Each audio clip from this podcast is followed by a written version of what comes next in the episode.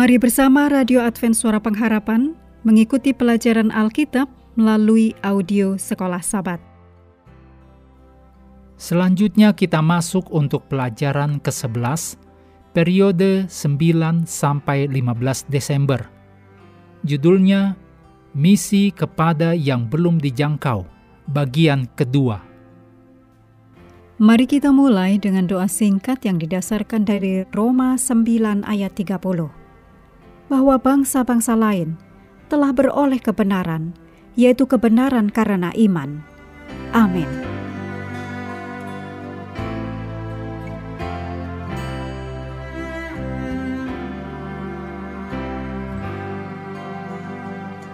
Sabat petang tanggal 9 Desember, bacalah untuk pelajaran pekan ini 1 Raja-Raja 11 ayat 1 sampai 6, Matius 4 ayat 23 sampai 25, Matius 15 ayat 22 sampai 28, Markus 7 ayat 24 sampai 30, Kisah 10 ayat 34 dan 35, dan Matius 8 ayat 10 dan 13.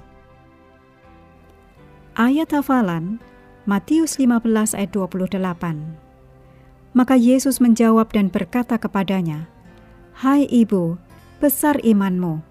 Maka jadilah kepadamu seperti yang kau kehendaki." Dan seketika itu juga anaknya sembuh.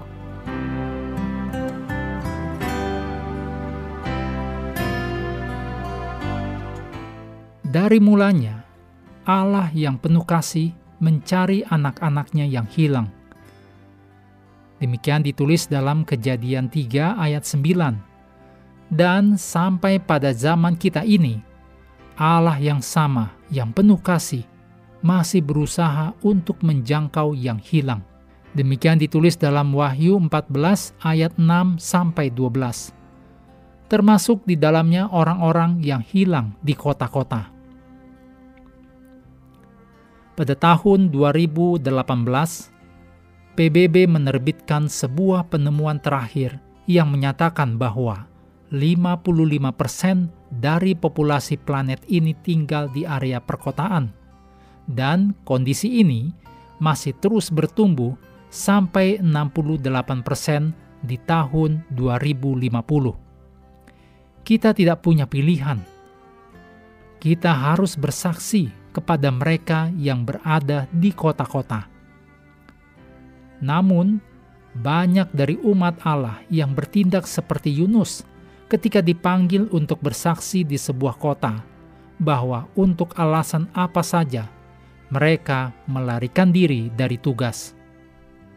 Sebab segala sesuatu yang ditulis dahulu telah ditulis untuk menjadi pelajaran bagi kita supaya kita teguh berpegang pada pengharapan oleh ketekunan dan penghiburan dari kitab suci. Demikian ditulis dalam Roma 15 ayat 4. Isi ayat tersebut termasuk dengan apa yang ditulis tentang Yunus. Ketika berada di dunia ini, Yesus melayani bukan hanya mereka yang berada di kota-kota Israel, tetapi juga mereka yang berada di daerah-daerah asing, yaitu mereka yang berada di luar bangsa Yahudi dan orang-orang pilihan.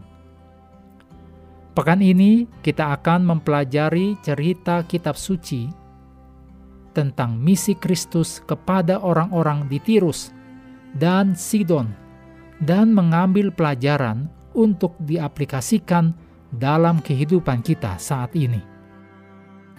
Mengakhiri pelajaran hari ini, kami terus mendorong Anda bersekutu dengan Tuhan setiap hari, bersama dengan seluruh anggota keluarga, baik melalui renungan harian, pelajaran sekolah sahabat, dan bacaan Alkitab sedunia, percayalah kepada nabi-nabinya, yang untuk hari ini melanjutkan dari Yesaya pasal 16.